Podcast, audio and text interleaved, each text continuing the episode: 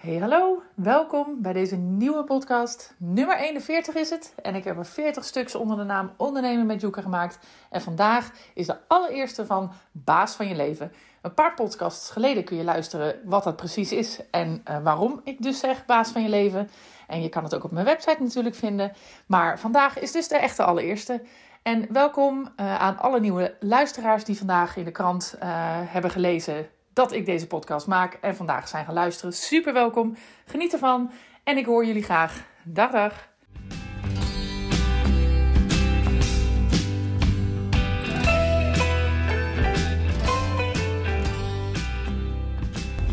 Hey, hallo mensen. Ja, ik moet in deze podcast echt alles kwijt over Geert Ruidenberg. En dan denk je misschien, Geert Ruidenberg, waar heb je het over?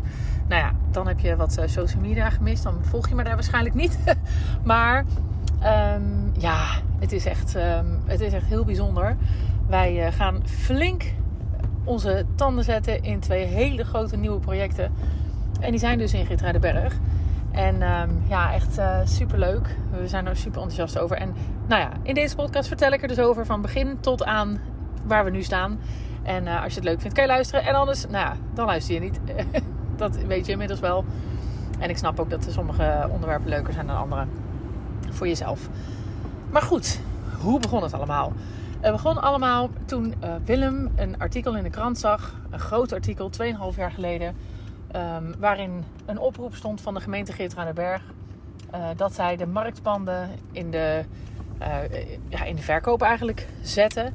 En dat ze mensen zochten die um, dat wilden gaan oppakken. Volgens mij werd er toen ook wel iets gezegd over huuroptie, maar um, dat weet ik niet meer helemaal precies. Dat is uiteindelijk best wel een hot item geworden in, uh, in de gemeentelijke politiek. Maar goed, dat even tezijde. Um, Willem zag dat. En ik dacht gelijk, oh man, we hebben het veel te druk. Dat kan niet. En dus ik had dat krantartikel ook wel weer een beetje goud terzijde geschoven. Totdat s'avonds, en mijn moeder, het is wel een heel grappig verhaal, want mijn moeder is best wel een beetje um, nou, nerveuzig over dat wij steeds uh, dat te druk zouden zijn en of we het allemaal wel aankunnen. Maar die komt dus, terwijl ik hem net had verstopt, met dat artikel aanzetten als uh, Willem binnen is. Dus die zegt, oh nou, uh, heb je dit gezien? En Willem zegt, ja zeker, en dan ga ik voor bellen. En ik zeg, nee, oh man, wat doe je nou? En we hebben het al zo druk. En, maar goed, dat is echt een werelds moment geweest, dit. Want als dat allemaal niet was gebeurd, als Willem het niet had gezien, zijn moeder er niet meer aan was gekomen, ja, wie weet hoe het dan was geëindigd, had het misschien wel nooit gedaan. En ja, we zijn zo gelukkig dat het, uh, dat het gaat gebeuren nu. Um, maar goed, wat dus, um, ja, wat er vervolgens ontstond is dat Willem inderdaad is gaan bellen. En die had zoiets, nou, als Duke het niet wil, dan kijk ik zelf wel. Maar ja, toen dacht ik, Willem, ik zeg, daar gaat het helemaal niet om. Het gaat er dus niet om dat ik het niet wil. Want als ik het zie, het probleem is, als ik het zie, dan zijn we verliefd en dan willen we het weer. Dan hebben we dat gedoe weer. En uh, dat is natuurlijk, bij, bij, het raadhuis was ik degene, bij ons raadhuis in Hoge Zwaluwe, was ik degene die toen zag en toen ook dacht, oh hier kan Willem wat van maken. En uh, dit moeten we doen. En bij dit was het dus echt heel erg duidelijk dat Willem zoiets had van ja, leuk en uh, moeten we doen. Alleen het was net in de, gewoon in een hectische tijd. En ik wist al, ja, als we gaan kijken, dan zijn we natuurlijk verkocht. En zeker in Geertruidenberg, want het is echt een super historisch stadje. Echt zoveel honderden jaren oud. En die gebouwen zijn ook honderden jaren oud. Dus ik wist wel, ja, als we gaan kijken, dan zien wij daar natuurlijk alleen maar mogelijkheden. Afijn, we hebben het wel gedaan. en ik wist al vanaf het moment dat de deur open ging, ja hoor, we gaan het willen. En uh, nooit toen kunnen denken dat het zo'n lang traject uh, zou worden. In, uh, in, die, in, in, in die tussentijd toen we daar waren en ja, kennis maakten. Um, toen hoorden we dus ook dat de schattenlijn ook in dit uh, geval uh, uitgevraagd zou worden. Dat ook de, uh, op de markt gezet zou worden. En ja, toen zijn we naar de schattenlijn gaan kijken. Dat is dus een, ja, een, een locatie met een aantal geschakelde gebouwen. Ook een rijksmonumentale status. En um, nou ja, met een theatertje erin. En ook fantastisch. Ja, minder mooi van binnen. Maar er wel echt iets heel gaafs van te maken. Dus we zijn gaan kijken. En je mocht dan een plan indienen voor of het een of het ander. Nou ja, en wat gebeurt er? Ja, we dachten, we kunnen eigenlijk niet kiezen, want ze zijn allebei fantastisch. Dus ja, wat moeten we ermee? Wat moeten we ermee? Um, nou, uiteindelijk uh, een tijdje verder, we hadden zoiets, ja, we willen het eigenlijk gewoon ja, allebei indienen. We willen voor beide locaties een plan indienen.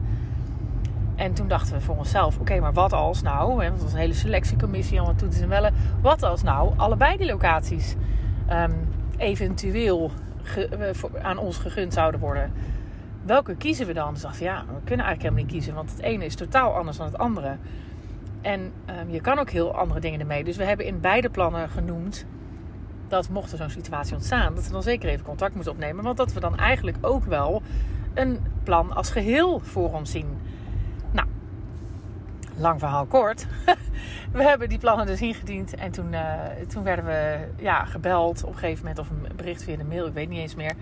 Maar op een gegeven moment kregen we bericht van ja, weet je, het is. Uh, jullie mogen voor beide uh, locaties mogen jullie een plan uh, of een presentatie doen voor een burgerpanel en voor een gemeentelijke selectiecommissie. Nou, hartstikke leuk.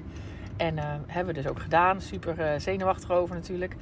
En uh, we hadden ehm, nou ja, het helemaal voorbereid met een PowerPoint en van alles nog wat. Hartstikke leuk en met z'n tweeën gedaan. Ja, en toen kregen we een bericht dat we dus inderdaad de winnaar waren eigenlijk van die selectie. En dat we dus inderdaad ehm, de, ja, de, de gewonnen hadden. En we moesten dus op inhoud natuurlijk een plan uh, indienen en een bod doen. Hè. Dus uh, uh, op inhoud omdat ze toeristisch-recreatieve functies wilden. Ja, en dat drukt natuurlijk de, ja, de, de, de, prijs. Dus als iemand natuurlijk voor woningen een aanbieding had gedaan... of als dat was uitgevraagd, ja, dan zijn die pannen natuurlijk veel meer waard. Maar doordat je het toeristisch-recreatief moet gebruiken... ja, heb je er vooral wat aan als, als wij zijn, als horeca mensen... Nou ja, dus zo gezegd, zo gedaan wij waren er dus gewoon uitgekomen. En ehm, ehm, ja, toen, toen begon het hele politieke spel eigenlijk. Want toen ging het in, um, in een gemeenteraadsvergadering werd het besproken. Uh, toen kwam er al terug van, nou ja, eigenlijk uh, wil men toch ook wel meer het stukje uh, huur uitproberen. Van, is daar, kan dat echt niet? En dan hebben we dat helemaal uitgevogeld. En nou ja, van alles en nog wat mee gedaan. en nou, tot de climax van afgelopen week, waarin dus de plannen de, voor de raad voorgelegd werden. En we hebben allerlei dingen, nou, moesten we van tevoren uitwerken met elkaar. Dus ook alle zorgen rondom, ehm, nou ja, in hoeverre kan je het nog gebruiken voor trouwen, voor bijeenkomsten. In hoeverre ehm, tast je het erfgoed aan. Ehm, nou, eigenlijk ja, oh ja, wat als we failliet zouden gaan? Wat als we het willen verkopen? Mag je het zomaar verkopen? Um, nou echt een heleboel riedels waarmee je een soort kettingbeding, zodat het helemaal omkleed was van iets wat, ja, waardoor ze zekerheid zouden hebben dat we er natuurlijk geen gekke dingen mee doen of het alleen als een, be een beleggingssituatie zouden zien. Nou, en dat hebben we gedaan. En uh, toen heb ik ingesproken, was hartstikke spannend. Want ik wist inmiddels dat er toch ook wel politieke partijen echt heel erg tegen waren ja, toen kregen we ook wel veel nare uh, geluiden op Facebook. Toen werden er posteracties er ook gestart van de week. En ja, dat was echt wel, ja, deed echt wel een beetje zeer. Omdat je echt denkt, jeetje, we hebben echt alleen maar goede bedoelingen. We, we gaan echt heel veel, uh, heel veel ja, voorwaarden zitten eraan. Waardoor de gemeente echt behoorlijk ja, uh, zeker is van, van wat we ermee kunnen. Dus dat was best wel moeilijk. Uh, of lastig, ja, dat, ja, gewoon dat is eigenlijk best wel lastig als mensen zo erover denken. En uiteindelijk is het dus van de week is de Schattelijn, dus dat theatergebouw, dat is met een unanieme stemming is dat voor ons gestemd. En vervolgens, eh, toen het over het hotel ging in het stadhuis, heeft, hebben tien mensen voorgestemd en negen mensen tegen. Nou, dat was heel nipt. En ja, dat had dus alles te maken met dat ze inderdaad uh, uh, zoiets hadden van ja, het moet, uh, het, dat stadhuis moet je gewoon niet willen verkopen. Achteraf denk ik, misschien speelt er ook nog wel wat aanloop naar de verkiezingen in mee. Weet ik niet, daar kan ik niet over oordelen. Maar ook dat was best wel spannend. Want dan ja, vinden mensen toch dat je het niet moet doen. En ook dan zijn mensen fel op Facebook. Zeg, dat is echt iets wat we niet zo goed kennen. Hebben we natuurlijk in de afgelopen jaren wel eens gehad. Maar ja, mensen kennen ons natuurlijk nou niet zo. Dus het gaat makkelijker, dit soort uh, dingen, dat, dat dat gedaan wordt. Ja, ik vind dat dan toch wel heftig. Maar ja, wat wel heel erg leuk is, is, de, is dat het uiteindelijk lukte. En dat dan daarna ook bijna iedereen naar ons toe kwam. Ook van een aantal tegenstemmers die zeiden van nou, hartstikke gefeliciteerd, het is superleuk. Welkom in Ritra de Berg. En, um, en ja, wat dan helemaal gaaf is, is dat we daarna dan zoveel leuke reacties krijgen. En die overstemmen echt de negatieve reacties. En ja, zoals in die vorige podcast uh, vertelde ik het al. Hè, dat mooie staat naast dat lelijke altijd. Kies, het is maar net waar je voor kiest om te zien. En dat is ook echt zo. Ook in dit geval. Als je kijkt naar van de, van de 100 reacties, uh, zijn er vijf heel zuur. En 95 zijn er heel enthousiast en heel leuk. Dus ja, ik denk in die zin dat we um, ja, het echt uitmaakt. We moeten ons echt in de komende periodes echt gaan focussen op het positieve.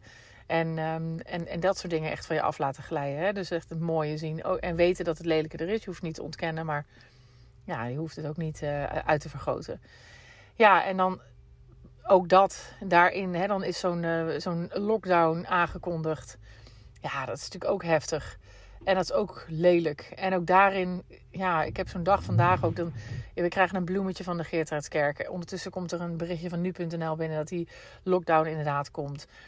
Ja, en het is, het is belangrijk om iets te doen met dat negatieve nieuws. En daar doen we iets mee. We, we zorgen dat we eh, voorbereid zijn.